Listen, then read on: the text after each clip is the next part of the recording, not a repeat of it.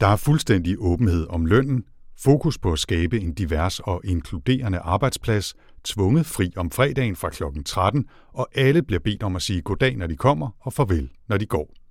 Sådan lyder et lille udpluk af reglementet i spilfirmaet Triple Toppings håndbog til de ansatte. Vi går faktisk op i, hvordan du har det. Ikke kun når du går på arbejde, men også når du går hjem. Det tror jeg, det er det, folk efterspørger. Jeg tror, at det er den måde, man bliver en konkurrencedygtig og god virksomhed på. I denne episode af Workflow kan du møde direktøren i Triple Topping og høre meget mere om deres retningslinjer og hvordan de fungerer i hverdagen. Velkommen til Workflow, en podcast om fremtidens arbejdsliv. Podcasten udgives af Ida og udkommer hver 14. dag. Jeg hedder Anders Høgh Nissen. Og jeg hedder Nana Wesley Hansen. Velkommen til. Firmakultur, det er sikkert for mange sådan lidt en abstrakt ting fra et eller andet visionsdokument ude på intranettet, eller også er det noget med regler for overarbejde, eller simpelthen bare noget med, at man skiftes til at have kage med hver fredag. Måske i øvrigt i, øh, især i startups i, sådan, i tech- og spilbranchen, så er det ofte en fornemmelse af, hey, vi behøver ikke lave regler, vi skal bare have noget bordfodbold og nogle snacks og nogle sækkestoler, så giver vi den gas med 80 timers arbejdsuge, indtil vi scorer en kæmpe investering, osv. osv. Og det kan så betyde, at man forlader sig på overfladiske personalegoder, eller bare lader direktøren eller firmaet stifter selv bestemme, ofte helt ubevidst og uden refleksion, hvordan firmaet skal drives, og hvad det er for nogle værdier virksomheden ledes efter, hvilken tone der skal være mellem de ansatte, og hvornår og hvordan man arbejder osv. osv. Og det er faktisk, i mine øjne i hvert fald, en stor fejl, fordi jeg tror, det kan være en rigtig god idé at være eksplicit omkring sin firmakultur og de retningslinjer, man arbejder efter, næsten uanset hvor stor eller lille virksomheden er. Og et af de firmaer, som allerede har sådan en håndbog, det er Triple Topping Games, som ovenikøbet har lagt den her håndbog åbent ud på det store internet, så alle kan læse med, og måske endda lade sig inspirere. Og vi har talt med direktør og medstifter Astrid Refstrup fra Triple Topping Games, og det kan man høre her. Øh, jeg hedder Astrid Refstrup, og øh, jeg er direktør i den spilvirksomhed, der hedder Triple Topping Games. Vi siger, at vi er en feministisk virksomhed. Og i, som et fritidsjob, kan man kalde det, eller efterskolejob, der arbejder jeg også som investeringsrådgiver i en fond, der hedder Counter Knights, hvor vi investerer i spil. Simon, øh, min partner i virksomheden, jeg har stiftet den for fem år siden. Og i starten var det bare os, og i dag der er der øh, 12 mennesker, som laver computerspil. Og hvad er det for nogle spil? Det er spil med stort fokus på historie. Så øh, vi har sådan et saying, der hedder sådan Triple Topping Games, Stories That Last. Så vi arbejder med, med historiefortælling i spil og prøver sådan at finde ud af, hvordan er den nye måde at fortælle historier på. Spilmediet er et kæmpe hurtigt voksende medie at finde ud af, hvordan kan man ligesom arbejde med historiefortælling øh, anderledes end de øh, type af spil, øh, de store spil, man måske sidder og spiller derhjemme. Og hvad er en feministisk virksomhed? Ja, hvad er en feministisk virksomhed? Nogle har spurgt om I er aktivistisk virksomhed eller en politisk virksomhed, og det har egentlig ikke noget at gøre med aktivisme eller en politisk overbevisning.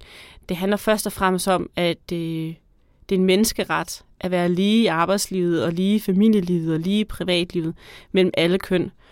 Og øh, en af de sådan, store udfordringer, der er i spilbranchen, er, at det jo traditionelt er en meget øh, mandsdomineret, cis-mandsdomineret branche, og det har gjort, at der ikke har været øh, plads til andre køn. Og det møder man jo også særligt, når man for eksempel som jeg øh, er kvinde og er direktør for en virksomhed, så bliver man jo tit stillet over for mange af de her problematikker. Og jeg tror til sidst, så var det sådan, hvorfor skriver vi det ikke bare på vores Twitter, mm. at vi er en feministisk virksomhed?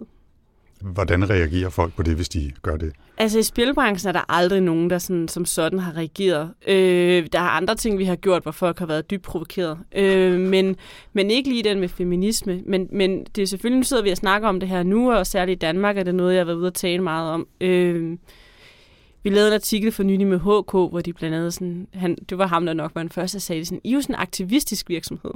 Så det bliver virkelig set som sådan en, en aktivistisk handling, at bare sådan sige, hey, vi tror faktisk på menneskerettigheder og på ligestilling mellem kønnene i vores virksomhed. Altså, det bliver virkelig sådan en vild ting at sige. Og så kan jeg måske meget godt lide, at det er lidt aktivistisk. Det bliver jeg egentlig glad for. Fordi der er meget, der skal ændres i vores samfund. Jeg vil sige, det, det er ikke det værste at være. Nej. I hvert fald ikke med den agenda. Nej, og jeg tror også, på et tidspunkt bliver man også så træt af tingens tilstand, at man er sådan lidt, fuck det, jeg er da ligeglad. Det er det i min virksomhed. Ja. Men, men I har så også I har lavet den her firmahåndbog, som vi skal snakke lidt mere om. Ja. Øh, og hvorfor var det, I besluttede jer så for? Nu siger du, I, I tweetede det, det her med, at I var en feministisk ja. virksomhed, men I har også lavet en helt medarbejderhåndbog ja. med en masse prin- principper og retningslinjer. Ja. Hvorfor lavede I en medarbejderhåndbog? Det var egentlig sådan starten i, at Simon og jeg, vi ville gerne bygge en arbejdsplads, hvor det var rart at være. Og vi kan ikke ligesom de store virksomheder, IO Interactive i Danmark, som laver Hitman computerspil, konkurrere på løn. Mange penge har vi ikke. Øh, men hvad kan vi så konkurrere på? Og det kan vi jo gøre ved at lave Danmarks bedste arbejdsplads. Mm. Så på den måde, så bliver det sådan et værktøj i vores forretningsudvikling at tænke arbejdspladsen ind i, og den måde, vi laver arbejdsplads på, ind i det at lave vores virksomhed. Og så begyndte vi ligesom at skrive den her personale håndbog internt, øh, så vi ligesom alle sammen var enige om, hvad er det egentlig, hvad vil det sige at en god arbejdsplads efterhånden, som der også kom flere folk til. Og på et tidspunkt var jeg sådan, hvorfor putter vi den ikke op online? Der er mange, der spørger om den. Der er mange, der spørger, hvordan vi gør i vores virksomhed. Øh, der er mange andre virksomheder, der starter ud i spilbranchen og er i tvivl om, hvordan de skal gøre det. Og jeg tror først og fremmest på, hvis vi skal rykke vores øh, samfund fremad, så skal vi gøre det transparent. Så, øh, så puttede vi den af vores kontrakter op på hjemmesiden. Og når du siger, I, I skrev på den, var det så dig og Simon, din, din medstifter, eller var det alle i virksomheden? Altså i starten var det jo bare os. Hmm så kunne vi jo sidde der egenrådet og finde ud af, hvad vi synes var fedt. Men det er jo lige så snart, man begynder at få, øh, få ansatte i en virksomhed, så udfordrer de jo heldigvis en. Og, øh, og det har ført til mange af de forskellige punkter, der er. Og i dag har, kan man sige, der har vi så mange, når man har mere end ni ansatte i Danmark, skal man have det, der hedder et medarbejderudvalg. Øh, og lave sådan nogle medarbejdspladsvurderinger og sådan noget. Øh, og det har også ført til, at nu er der et medarbejderudvalg, som jo også kommer endnu mere med feedback nu, og så begynder at engagere sig i, hey, hvad vil det sige for mig at lave den gode arbejdsplads, og hvad synes jeg er spændende at arbejde med i forhold til mine kollegaer. Og så øh, udvider den sig. Det sidste tilsag, som ikke er inde i medarbejderhåndbogen endnu, er blandt andet, at vi har stilletid på arbejdspladsen. Vi kan godt lide at snakke meget, men for nogle er det også det svært at koncentrere sig. Og det har ikke været, altså det har kommet ud af medarbejderundersøgelserne. Det har ikke været sådan, at jeg har tænkt, nu skal det være stilletid. Det synes jeg er rart. Mm ligesom kommet den anden vej ind. Hvordan bruger I den i hverdagen? Vi vender tilbage selvfølgelig til nogle ja. af de mere konkrete ting, men bare overordnet er det, er det, er det sådan et, øh, et levende dokument, som I, I, I kigger på også øh, det i er Meget, det er et meget levende dokument, og en virksomhed ændrer sig, en arbejdsplads ændrer sig, medarbejderstemme ændrer sig. Så selvfølgelig ændrer den håndbog sig også løbende, og den er blevet opdateret mange gange. Og det er ligesom en måde at kigge hinanden i øjnene på og sige, det er sådan her, vi godt kan lide at være sammen, og det er sådan her, vi godt kan lide at have vores... Altså et eller andet sted, så er det jo ikke bare arbejdsliv, men også dit liv generelt. Fordi det, at vi ligesom har taget nogle standpunkter omkring, hvordan arbejdslivet skal være, det betyder utrolig meget for folks privatliv, og hvordan deres liv ellers skal forme sig. Så det er sådan en måde at kigge hinanden i øjnene på. Mm. Og også at hænge Simon og jeg op på at leve op til det. Ikke mindst. Ikke mindst, ja. Man kan jo ikke bare, man kan jo ikke bare skrive et eller andet fedt ind, fire dages arbejdsuge, og så øh, bede alle om at komme ind på arbejde om fredag. Nej, den, den går ikke. Den går ikke, nej. Men hvis vi så kigger på nogle af de elementer, der er i den, ja. altså I har noget med det her med, at man skal sige goddag og farvel, øh, sådan nogle meget håndgribelige ting. Mm. Men så er der også noget, der sådan er mere på, at det skal være et safe space at mm. være på triple topping. Hvad betyder det Ja, altså jeg tror, at safe space, det er måske det er nok et, et ord, vi ligesom har lånt fra amerikanske, de amerikanske arbejdspladser, og man kan sige, at hvorfor er det vigtigt at sige, øh, øh, her skal være sikkert at være, og her må du ikke mobbe, og her må du ikke øh, øh komme med racistiske udtalelser eller kønsdiskriminerende udtalelser. Og jeg synes, det er vigtigt, at man som ledelse tager et standpunkt, øh, og ikke bare forventer, at det... Øh, Selvfø- nej, men selvfølgelig, øh, selvfølgelig ordner, øh, opfører folk sig ordentligt øh, på vores arbejdsplads. Øh, her er der aldrig nogen, der opfører sig dårligt. det har jeg aldrig oplevet, eller hvad man nu typ, typisk kan høre i, i den slags øh, debatter.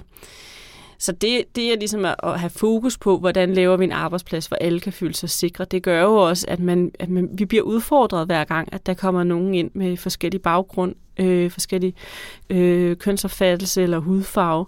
Og det er rigtig, rigtig godt, og det er rigtig sundt for os, at det skal mm. ikke kun være sikkert for os, som tror, vi er default for eksempel, bare fordi vi er hvide. Det skal være sikkert for alle på vores arbejdsplads. Det må folk godt udfordre os på. Ja.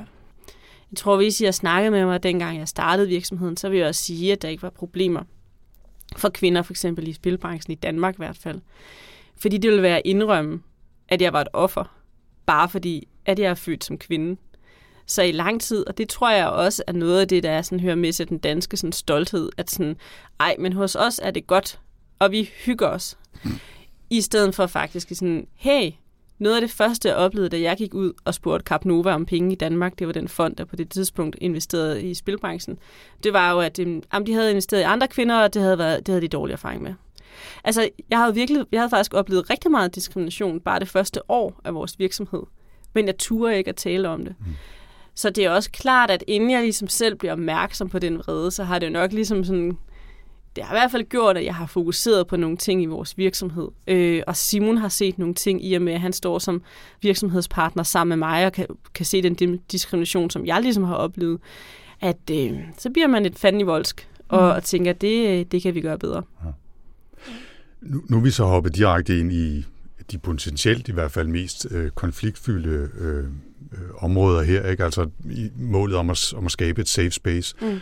Har der konkret hos jer i Triple Topping været situationer, hvor det var nødvendigt at kigge på det, I har skrevet om safe space i medarbejderhåndbogen for at håndtere en situation eller forebygge, at, at noget skulle udvikle sig? Jeg har ikke oplevet omkring racisme. Vi har også i langt, langt de fleste år været hvide mennesker. Mm.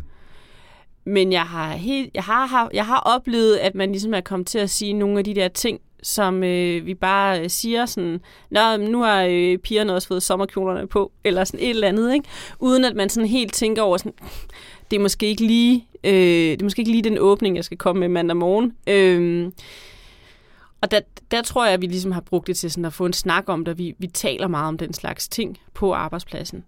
Og så tror jeg, at safe space er jo rigtig mange ting vi har stor fokus på, hvis nogen har været kede af det, eller har haft udfordringer. Det kan være enten med, med en af ledelserne, øh, en på ledelsesteamet, eller øh, kollegaer hinanden imellem. Der sker jo rigtig meget, når man er så mange timer sammen. Øh, og alle skal have det godt. Så det gør også, at når nogen kommer øh, til en og er kede af et eller andet, så gør man sig jo rigtig umage. Mm. mm. Øh, så det er måske næsten sådan et konflikthåndteringsredskab. Ja, og det, det, er jo også en, det er jo også en målsætning om, at det er jo ikke bare, det er ikke kun medarbejdere og kollegaer imellem, der ligesom skal løse, hvis et eller andet opstår. Det er også det er mit ansvar. Også når vi en dag er 100 ansatte, så er det i sidste ende stadig mit ansvar. Jeg kan ikke, jeg kan ikke gå ud og lave TV2 på den og sige sådan, ah, men jeg vidste ikke, hvad de andre lige lavede på holdet. Altså, det kan jeg ikke. Øh, det er min biks, og det er mit ansvar, hvis nogle mennesker har haft en dårlig oplevelse på deres, øh, på deres arbejdsplads. Øh, og det må jeg så tage på mine skuldre. Jeg tror, det er en gevaldig opgave for mange store organisationer, hvor der jo er ret mange hvide mænd på ledelsesgangene, ja. som måske heller ikke har lyst til et ansvar. Ja. Jamen også synes, det er svært at tale ind, altså, vi, vi, altså tale ind i den her mm, diskurs, ligesom, mm. eller lære ordene omkring det. Altså, du nævnte også selv, at altså, det her med, at, altså, at, at I også er reflekteret omkring, øh, hvordan I tiltaler hinanden, mm. og man har mulighed for ligesom at få signaleret, hvilket, hvilken kønsmæssig betegnelse mm. man gerne vil betegne ja. som. Det er sådan lidt nyt i, i dansk kontekst, ikke? Øh, og man skal lære øh, jargon omkring det, og der tænker jeg, det kan være svært for nogle af de der store gamle organisationer at gå ind. Jeg tror, du siger de her gamle hvide mænd og kigge på mig. Nej, nej, ja, ja. det... Jeg tror, jeg tror, der er rigtig meget, der kan være svært, når man øh, leder en virksomhed, men det er vel også det, alle os, der starter virksomheder, øh, er tændt af. Altså, jeg kan mærke, at jeg bliver sådan, lidt, jeg bliver sådan en lille smule sådan træt, når sådan, ah, men det er også lidt svært, at vi skal lære det. Altså, min mor er 70, og kan godt bruge de dem pronomener omkring vores ældste barn fordi at vores ældste barn ikke vil være en dreng eller en pige. Altså, hvis min mor på 70 kan, så kan en eller anden topleder, eller en fagboss, eller en politiker, der også lære det. Mm. Altså, det handler vel bare om at ville forstå og møde de mennesker, man er foran. Og der er vel ikke nogen virksomhed, der kan køre godt, hvis de ikke forstår de mennesker, de har med at gøre. Mm. Nej. Jeg ved også, øh, Astrid, at I også har, altså, hvad kan man sige, lavet, jeg ved ikke, om jeg vil kalde det en forebyggende indsats, men i hvert fald en oplysende indsats. Altså øh, ikke at vente på, at der eventuelt skulle opstå konflikter, eller nogen føler sig altså, utrygge eller, eller dårligt behandlet i situationen, men simpelthen hjælpe hinanden med at lære med forskellige workshops og sådan noget. Mm. Øh, kan du prøve at fortælle om det også? Jo, altså vi, vi har gjort det, vi nogle gange ligesom har hentet folk ind udefra, og netop snakker omkring nogle af de her ting med pronomener i, hvad man kan sige, i et rum, hvor at øh, man også kan stille de spørgsmål, der er lidt svære. øh, og hvor man måske kan få en bedre forståelse for, hvad vil det sige for eksempel at være non-binær, øh, at man for eksempel ser sig som transkønnet, men også at, at, der, at, at det er et begreb, der kan farve rigtig mange kønsidentiteter. Og på den måde, så tror jeg, at man også når langt som arbejdsplads ved, at man også ligesom, det kan godt være, at det ikke har noget direkte at gøre med det spil, vi sidder og laver lige nu, eller øh, øh, hvordan den næste frokostordning skal være, men det er en lige så vigtig ting, fordi det gør, at, at de medarbejdere, der kommer ind i virksomheden, som måske har en anden køns, øh, kønsidentitet, får nemmere ved at være der. Det bliver ikke deres opgave at skulle uddanne og forklare og fortælle, øhm, fordi det har vi ligesom allerede sørget for, ja. at, at der er et grundlag for. Ja. Jeg synes, det er enormt, altså fordi jeg, jeg føler mig faktisk selv lidt gammel. Jeg er så heldigvis en kvinde, så, men, men jeg føler mig stadigvæk gammel og ueften ud i uh, terminologien. Øh, og jeg, jeg synes bare, det lyder rigtig fint, det her med at have sådan nogle workshops. Altså have nogle, igen, safe spaces, ja. hvor man også kan få lov at fejle på sin ja. terminologi, og hvor ja. det ligesom er... Og jeg, jeg tror også, det har noget at gøre med faktisk, altså nu er jeg på Sociologisk Institut, der er faktisk nogen, der er meget kompetente ud i at tale om køn og diversitet. Ja. Og så er der sådan nogen som mig, som ikke arbejder så meget med det i hverdagen. Men jeg er stadigvæk sådan lidt ekspert og ekspert den på. Så sådan lige at overgive sig til det der med, nu skal jeg lige lære et nyt sprog her, den kan faktisk godt være lidt, øh, lidt svær. Altså, vi kører på vaner. Nogle gange kan jeg også høre mig selv noget, sige noget, hvad sådan, det synes jeg er noget lort at sige, men, men som ligesom bare er sådan nogle, nogle sætninger eller nogle myter eller ting, som ligesom er, er indavlet i vores sprog og vores kultur, mm. og vi er alle sammen jo formet af, at jeg formet af, at jeg vokset op i et pri- meget privilegeret velfærdssamfund i Danmark, og jeg har en hvid hudfarve for eksempel. Ikke? Så, så man bliver jo konstant udfordret mm. øh, på sig selv, og nogle gange er det ikke sådan super rart. Og det er noget også derfor, at, at det er vigtigt, at når man så bliver udfordret på sig selv, at det kan være et safe space. Astrid, udover de her øh, sådan ret øh, store emner som safe spaces og kønsidentitet og racemæssig baggrund og alt muligt andet, så handler den her firma-håndbog også om nogle ret konkrete ting. Mm. Du nævnte tidligere det med at sige goddag og farvel, øh, når man kommer og når man går, og så har I også nogle regler om arbejdstider og hvor meget pause I holder, hvornår man går om fredagen og så videre. Mm. Øhm, og så også noget om løn, det vender vi tilbage til mm. lige om et øjeblik. Men først det der sådan lidt lavpraktiske, altså øh, hvorfor føler du, at det har været nødvendigt, eller hvorfor føler I, at det har været nødvendigt også at adressere det i, i den her håndbog så konkret? Altså for eksempel, hvis du tager arbejdstid, så synes jeg, det er rigtig interessant. Øh, Ja, spilbranchen er et sted, rigtig mange mennesker gerne vil arbejde, og det kan være svært at få drømmejobbet. Og det gør jo, at der er en stor øh, konkurrence, og der kommer mange nyuddannede ud. Og øh, samtidig med, at der er nogen, der har været der i mange år. Øh, og jeg kunne godt tænke mig at have en virksomhed, hvor der både er nogen, som, øh, som har været i branchen i mange år, og nogle helt unge, og nogen, der er ved at starte familie, og sådan hele spektret. Og hvis jeg så har en virksomhed, hvor at, øh, du må bare blive så længe du vil, Mm. Øh, Netflix-modellen hedder det. Netflix, der bestemmer man ligesom selv i deres medarbejderhåndbog, som faktisk også er online. Øh, vores var først. Øh, tag den Så tag den Netflix. Ja. Øh, de har nok aldrig set vores. Men, men øh, hvis man ligesom selv må bestemme ens arbejdstid, og hvor længe man bliver, så er det typisk de unge, som, øh, som er nyuddannede og som ikke er familie nu, de bliver og de bliver rigtig sent. Og de skal bevise sig selv, og de skal sørge for at blive forfremmet, og de skal sørge for, at de bliver forlænget i deres kontrakter osv. Så de bliver helt vildt sent. Og så er der alle dem, der ligesom har børn, og øh, daginstitutioner, de lukker jo. Så vi bliver jo ligesom nødt til at gå på et tidspunkt. Og børnene vil også gerne se deres forældre, og de skal puttes og have mad, og det har du så to timer øh, efter arbejde. Og der sker så det, at når man så møder ind på arbejde dagen efter, hvis man for eksempel har børn og er blevet nødt til at gå tidligere, at så øh, kan du godt mærke, at øh, du ikke har lavet lige så meget, og der er sket en hel masse på arbejdspladsen. Og det, det skaber ubehag, og det giver stress og ondt i maven. Det kan også være, at du begynder at tage din PC med hjem og sidde og åbne den om aftenen, og lige se, om du ikke lige kan nå lidt mere, for at du følger med dem, der sidder inde på arbejdspladsen. Men hvis jeg siger, at alle går kl. 16, så er det lige for alle. Du kan nå hen og hente dine børn. Du kan også møde kl. 8 og gå kl. 15 i Tøbeltopping. Du kan nå hen og hente dine børn. Øh, hvis du ikke har børn endnu, så kan du tage og træne, eller ud og drikke en øl med dine venner, eller øh, klatring, eller rollespil, eller hvad du nu vil bruge din fritid på, til Netflix. Men så er det ens for alle. Der er ikke nogen, der lige kan overachieve og blive til klokken 18. Det findes bare ikke. Mm. Så er det jo så mig selv. Det er noget andet. Det er min virksomhed. Hvis Triple Topping bliver solgt en dag, så er det mig, der får exit. Det, det er noget andet for mig at drive virksomhed, og det er rigtigt. Ja, jeg har nogle gange hver onsdag, der arbejder jeg amerikansk arbejdstid, siger jeg, fordi så tager jeg alle mine amerikanske møder, og der arbejder jeg til sent om aftenen, nogle gange til kl. 2.30 om natten. Men det er min virksomhed, og det er mig, der kan styre det. Det er ikke min medarbejders ansvar. Hmm. Hvis vi lige skal tage en, en anden ting, som også er nævnt i jeres øh, håndbog, og som har fået en del opmærksomhed, så er det, at I har en ret øh, speciel, meget fast og åben lønpolitik. Mm. Vi lavede lige for nylig her i Workflow en episode, der handlede om lønstatistik og løn, og hvad er det, man får penge for osv., og, og der var meget snak om bonus og ekstra ting og hister her og sådan noget, men det har I nogle fuldstændig faste, åbne rammer for. Ja. Kan du lige prøve at beskrive dem, og så kan vi snakke om, hvad, re- hvad reaktionen har været måske også? Jo, når man starter i triple så får man 35.000. Så hvis du får et barn, så får du en bonus, som så går nedad svarende til børnepengesatsen. Mm. Den får du hver måned. Du får kun én, én bonus. Det er ikke sådan, hvis du får flere børn. så får du. Men endelig får nogle flere børn. Uh-huh. Øh, vi har brug for dem. Og så får man 1000 kroner om året i anciennitet ind til et baks på den måde, så handler det ikke længere om, hvem er junior, og hvem er senior, og hvem har været erfaring. Den har der været meget øh, opmærksomhed på. Wow, hvor er det vildt. Øh, hvorfor får alle det samme? Og, øh, de, folk er jo ikke lige meget værd. Og det kan jeg simpelthen ikke forstå, fordi for eksempel i spilbranchen, der tjener programmører typisk øh, mere end grafikere, fordi programmører kan gå ud øh, i nogle af de store tech-virksomheder, vi Dan- har i Danmark, og få øh, meget højere lønninger altså øh, 100.000 om måneden, og ikke øh, de 35, vi giver.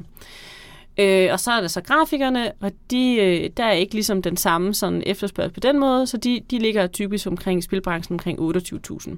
Og programmør spilbranchen, det ligger så måske mere omkring 45-50.000. Og nu er det sådan historisk set, at vi uddanner flere øh, mandlige programmører end kvindelige programmører. Så allerede så vil det jo sådan være et skæld imellem mænd og kvinder i, i lønnen. Men computerspil, hvor der kun er kode, er jo ikke særlig sjovt. Der skal jo være noget visuelt på. Mm-hmm. Så du kan ikke sige, at programmøren er mere værd end grafikeren. Der er jo ikke nogen, du ansætter på din arbejdsplads, som ikke har en værdi, eller som har en mindre værdi. Jeg kigger mere på, sådan, hvad har vi brug for at løse det her produkt lige nu og her? Og så, øh, så er alle hoveder ligesom lige i det. Mm. Og så kan det godt være, at vi kan ramme ind i en om det kan være svært at konkurrere på virksomheder, hvor man kan stige i løn. Det har jeg ikke oplevet nu, fordi folk vil rigtig gerne have en 32 timers arbejdsuge for eksempel, eller ikke blive tvunget til overarbejde. Sidste gang vi søgte en programmør, fik vi 600 ansøgninger. Vi har ikke noget problem med at få fat i folk. Mm. Det kan være, at det kommer på et tidspunkt, men så vil jeg hellere kigge på medarbejderaktier, eller noget af den stil. Og der ved jeg ikke lige nu, hvad den bedste model vil være. Men øh, jeg vil hellere være kreativ på en anden måde. I forhold til løn har der været en, re- en masse reaktioner. Det har måske lige så meget at gøre med, at I er åbne Øh, yeah. Ligesom resten af håndbogen er det, som, som hvad, hvad selve lønnen er.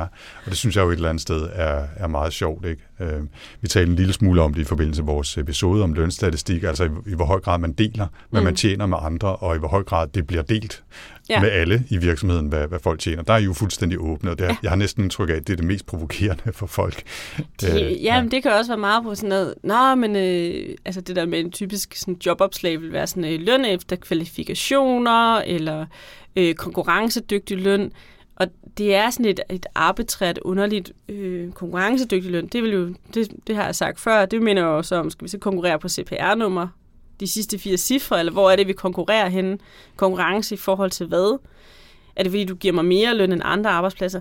Der er sådan et underligt spil omkring det der, jeg ikke forstår hvorfor ikke bare sige, du får 35.000, sådan her ser lønpakken ud.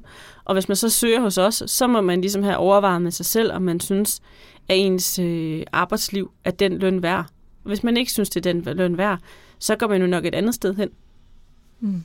Men jeg sparer dig en masse tid til jobsamtalerne, fordi der, er ikke, der sidder ikke folk og forventer mere, hvor jeg ikke kan være med, for eksempel. Men er det så en tanke om, at som det går, som nu er I en startup virksomhed, ja. men som det måske går bedre, hvis I vokser, og hvis I ligesom vi startede bliver mere... på 30, ja. Ja. ja. Okay. Og så efterhånden, som vi fik lukket investeringer og fik flere partner på og sådan noget, ja. så er den så gået op. Men så er man jo også på rejse med jer. Ja. ja. ja. Astrid, her til sidst. Hvad har været din oplevelse af folks reaktioner på, på den her håndbog sådan generelt? Både i forhold til til det, vi snakker om nu med løn, øh, i forhold til jeres barselsordning, i forhold til mm. jeres politik omkring køn og, og, og diversitet osv. Altså, hvad, hvad har været din oplevelse af reaktionerne? overvejende positive. Og jeg tror, at man skal kigge rigtig godt på, hvordan man laver arbejdsplads. Altså lige nu er der nærmest en trend, både i Danmark og USA og Europa, der handler om at sige op. Der er TikTok-videoer, hvor folk opfordrer hinanden at sige op på arbejdspladserne. Folk gider ikke mere pis. Det er et ungdomsoprør, og det er et arbejdspladsoprør. Og der tror jeg, at der kommer nogen ind og siger sådan, hey, hos os, hos os får det det her, og vi, faktisk, vi går faktisk op i, hvordan du har det. Ikke kun når du går på arbejde, men også når du går hjem.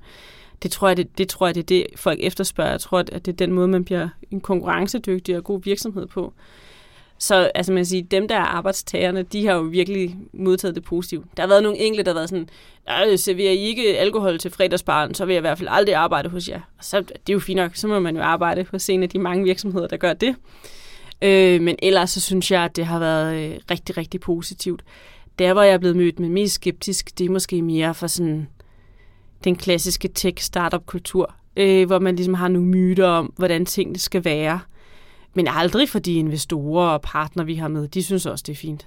Hvad er det for nogle myter, der er i tech-startup-verdenen? Ja, men det er jo meget det der med, at så skal man arbejde, altså en løvens hule-agtig. Øh, du ved, du skal bare arbejde øh, helt vildt hårdt og øh, kun have det her for, for øje. Og så, øh, så på den anden side, så er du milliardær. Ja, dig, der ejede virksomheden, men hvordan havde de andre det undervejs? Der, der er jeg nok blevet mødt med sådan en, det kan ikke lade sig gøre, eller øh, sådan ældre kollegaer i branchen, sådan, ah, men lige løn for ulige arbejde, og sådan, altså har sådan nogle idéer om, at sådan her ser et arbejdsmarked ud. Mm. Og det synes jeg godt, vi kan udfordre. Ja, og det var altså Astrid Refstrup, som er direktør og medstifter i uh, Triple Topping Games. Nana, hvad synes du, vi kan tage med os, eller hvad har du lyst til at tage med dig fra vores snak med Astrid her? Øh, noget af det, jeg synes, der er rigtig spændende, øh, det er deres måde, de håndterer arbejdstid på. Mm. Øh, at de har nogle klare begrænsninger på arbejdstiden. Altså det overraskede mig egentlig lidt, at i sådan en lille startup virksomhed, at man har, at de, at de har de begrænsninger, mm. hvilket jo i min verden er sådan lidt en, en måde at passe på medarbejderne. Øh, måske også at passe på deres kreativitet i, i virkeligheden. Øh, og det er noget af det, som slet ikke findes i min egen verden, altså begrænsninger på arbejdstiden. Tværtimod, så er der en, en kultur omkring, og det er ikke kun på mit forskningscenter, men det er det hele taget som forsker, at altså en dedikation og en forståelse af, at man skal arbejde meget, og man skal være i det næsten hele tiden, og det er en del af din hobby, og mm. det, det ubegrænsede øh, arbejde, øh, er noget, jeg tror, der påvirker alle. Og man kan se det konkret, når man har APV'er, fordi der har man jo den offentlige arbejdsplads, man har... Øh, Arbejdspladsvurdering. Ja, arbejdspladsvurdering. Ja. Øh, dem har vi, og øh, rigtig tit så kommer universitetet ret skidt ud på, øh, på sådan nogle stress øh, parametre og den mhm, slags. Mm. Øh, og det tror jeg simpelthen, fordi folk er ret presset. Øh, af mange forskellige årsager men også fordi de ligger rigtig mange arbejdstimer. Ja. Det, det er sådan lidt en, uh, en tricky ting, ikke? fordi jeg synes et eller andet sted, rent principielt er det fantastisk, at man tager den beslutning og siger, vi arbejder det her tidsrum hver dag, vi går klokken 13, eller hvornår man nu går om fredagen, og uh, ingen skal arbejde mere end 32 timer om ugen, eller hvor meget det nu er. Men samtidig har jeg også oplevet at være i den situation, at jeg virkelig havde lyst til at gå videre med et projekt. Altså hvis man sidder og mm i mit tilfælde redigerer en podcast eller et eller andet, og fred, klokken er 15 fredag, jamen så kan jeg godt blive ved til klokken 18, hvis jeg synes, det er fedt. Altså ikke nødvendigvis, fordi der er deadline ugen efter, men fordi jeg synes, det er sjovt. Og, og, og hvis der så kommer sådan en begrænsning på, der hedder, det må du ikke, du må ikke arbejde, du skal gå hjem nu, så, så bliver jeg sådan lidt Rasmus modsat, kan jeg godt mærke på mig selv, det, det skal I ikke bestemme. Altså, jeg skal bare arbejde, når jeg arbejder, så længe I ikke pålægger mig at arbejde på tidspunkter, hvor jeg ikke gider arbejde, så skal jeg nok selv holde styr på det. Men jeg synes, jeg synes helt principielt, det andet er bedre, altså at lave nogle faste rammer. Og forhåbentlig bliver, betyder det også, at når man så møder mandag morgen og går videre, øhm, så har man altså en masse lyst til at gå videre, så brænder man ikke sig selv ud. Ja. Fordi uanset hvor meget man har lyst til at arbejde videre der fredag eftermiddag, hvis man gør det hver eneste uge, fire år i træk, så, så tror jeg altså, at man risikerer at brænde sig selv ud på, at jeg sidder fandme altid og arbejder fredag eftermiddag. Ja. Ikke?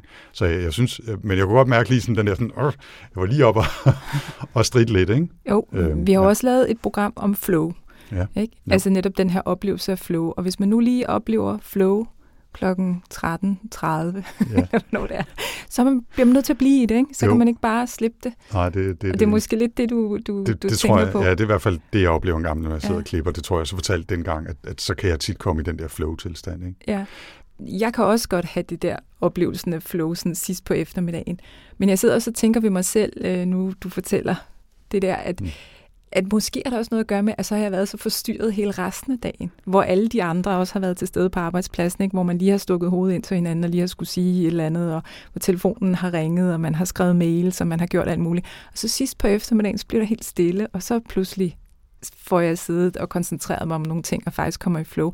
Men måske hvis man har nogle krav om, at arbejdsdagen slutter, så er man måske også mere bevidst om at diskutere om, hvordan man så faktisk indretter mm. arbejdsdagen, sådan så man, øh, så man opnår flow, og så man ligesom altså bliver produktiv i de timer, man så faktisk er der. Altså, det ved jeg ikke, men... Øh... Ja, nej, jeg ved det ikke, men det, man kan jo prøve. Ja. Øh, en anden ting, jeg også lige vil nævne, som jeg synes er super spændende i den måde, øh, Astrid og hendes kolleger øh, griber tingene an på, det er spørgsmålet om diversitet og inklusion. Altså, at de er så eksplicite omkring det, øh, den potentielle udfordring, der kan være i en virksomhed. De skriver det i deres håndbog ja. og har klare regler, inviterer til dialog og siger, hvis du oplever noget, som er et problem, så henvend dig. Og altså, nu har man hørt masser om en MeToo-ballade, øh, og, og specielt også på TV2 her i de forgangne måneder, hvor man helt klart har en fornemmelse af, at der er nogle folk, der har fået overskrevet deres grænser på altså, frygtelig og voldelig façon, som ikke har haft lydhørhed, når de er gået til deres chefer.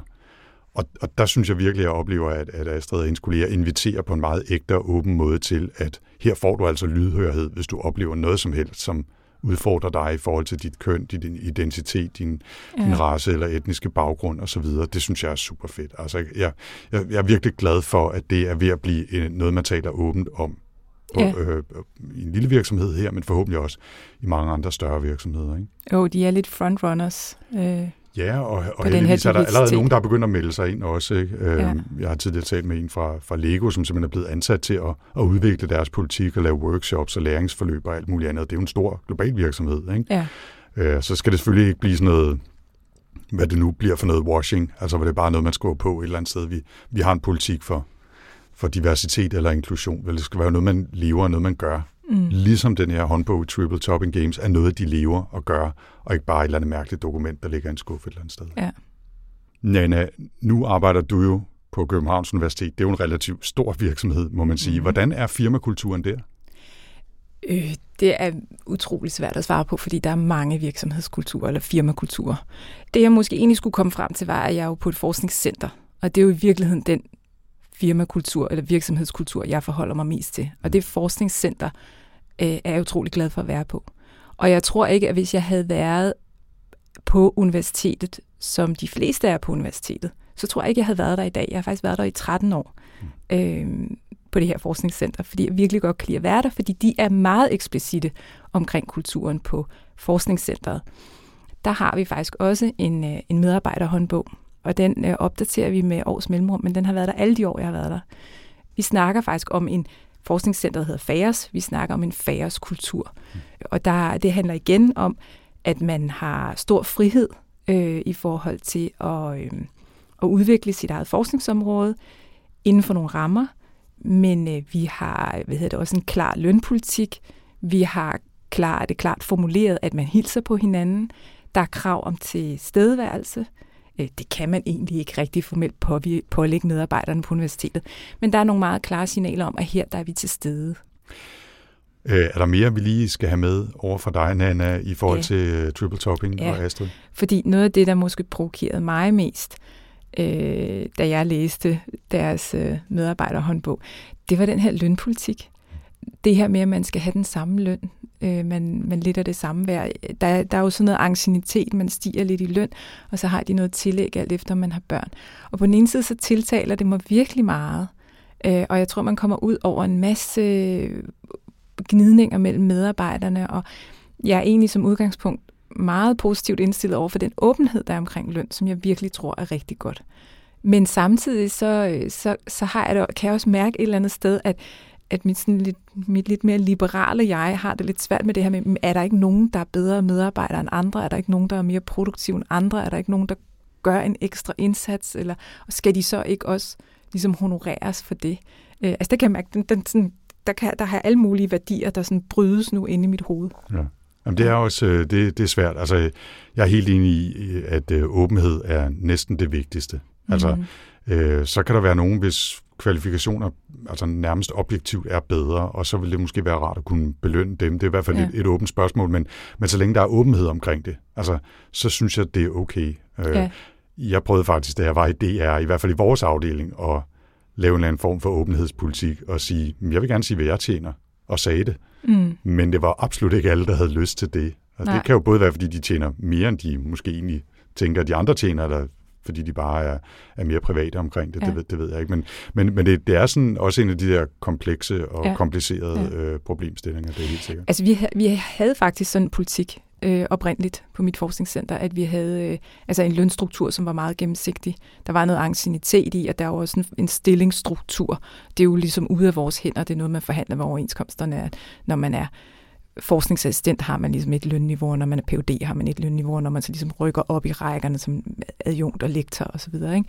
Øh, men ellers så havde vi sådan en meget øh, tydelig lønpolitik for, hvad man så ligesom havde tillæg, og hvad der ligesom blev, blev bygget på. Ikke? Og det var ikke sådan nogle, sådan nogle engangsvederlag, som det så er blevet nu, fordi nu har, har universitetet ligesom overtaget lønpolitikken, og de kører deres indgangsvederlag, som er på præstation, publicerer du godt, får du nogle penge, så får du noget, og det er fuldstændig ugennemsigtigt. Øh, altså, de der kriterier er klare, men det er fuldstændig ugennemsigtigt, fordi man ved ikke, hvad de andre får, og er det nu også rigtigt, og så videre. Ikke? Ja. Så, og det kan jeg mærke selv, at, at jeg kunne egentlig bedre lide det, der var før. Øh, men jeg kan stadigvæk mærke, at på en eller anden måde, så er der sådan nogle grundlæggende værdier, der provokerer mig lidt. Det er sådan lidt mærkeligt. Øh, men jeg tror, det er rigtig godt for en lille startup at få den sådan kold, altså for, netop for at få den der kollektive ånd. Ja. Og der er jo heller ikke noget vejen med, at man er splittet. Altså, det kan, vi, det kan vi godt som voksne, relativt intelligente mennesker håndtere, at vi ja. øh, kan se ting fra flere sider. Ja. Således også den her. Hvis man nu sidder derude og er blevet nysgerrig efter at læse mere, så linker vi naturligvis til uh, Triple Toppings firma, medarbejder, håndbog, retningslinjer fra vores show notes. Og hvis man har lyst til at læse mere i øvrigt om både spændende og lidt skræmmende eksempler på, hvordan forsøg på at lave retningslinjer også kan give bagslag, så linker vi også fra vores show notes til artikler om Netflix og virksomheden Basecamp. Netflix er berømte og berygtede for deres firmakultur, som virkelig prioriterer, at man leverer varen og er radikalt ærlige over for sine kolleger, hvis man ikke synes, de leverer varen.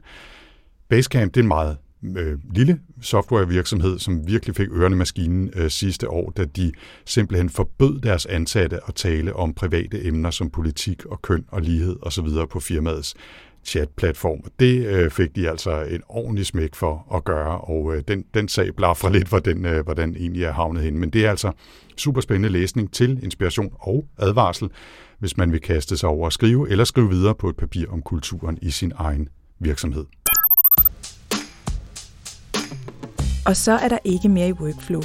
Men vi vender tilbage igen om 14 dage med et nyt kig på fremtidens arbejdsliv. Hvis du vil vide mere om podcasten, kan du besøge vores hjemmeside på ida.dk-workflow, og hvis du vil skrive til os med kommentarer, idéer til emner og gæster eller andet input, så kan du skrive til os på Twitter med hashtagget workflowida eller kontakte os via Idas hjemmeside. Workflow bliver produceret af Potlab og udgives af IDA, Danmarks Fagforening for Digitale, Naturvidenskabelige og Ingeniører. Jeg hedder Anders Høgh Nissen. Og jeg hedder Nana Wesley Hansen. Tak for denne gang.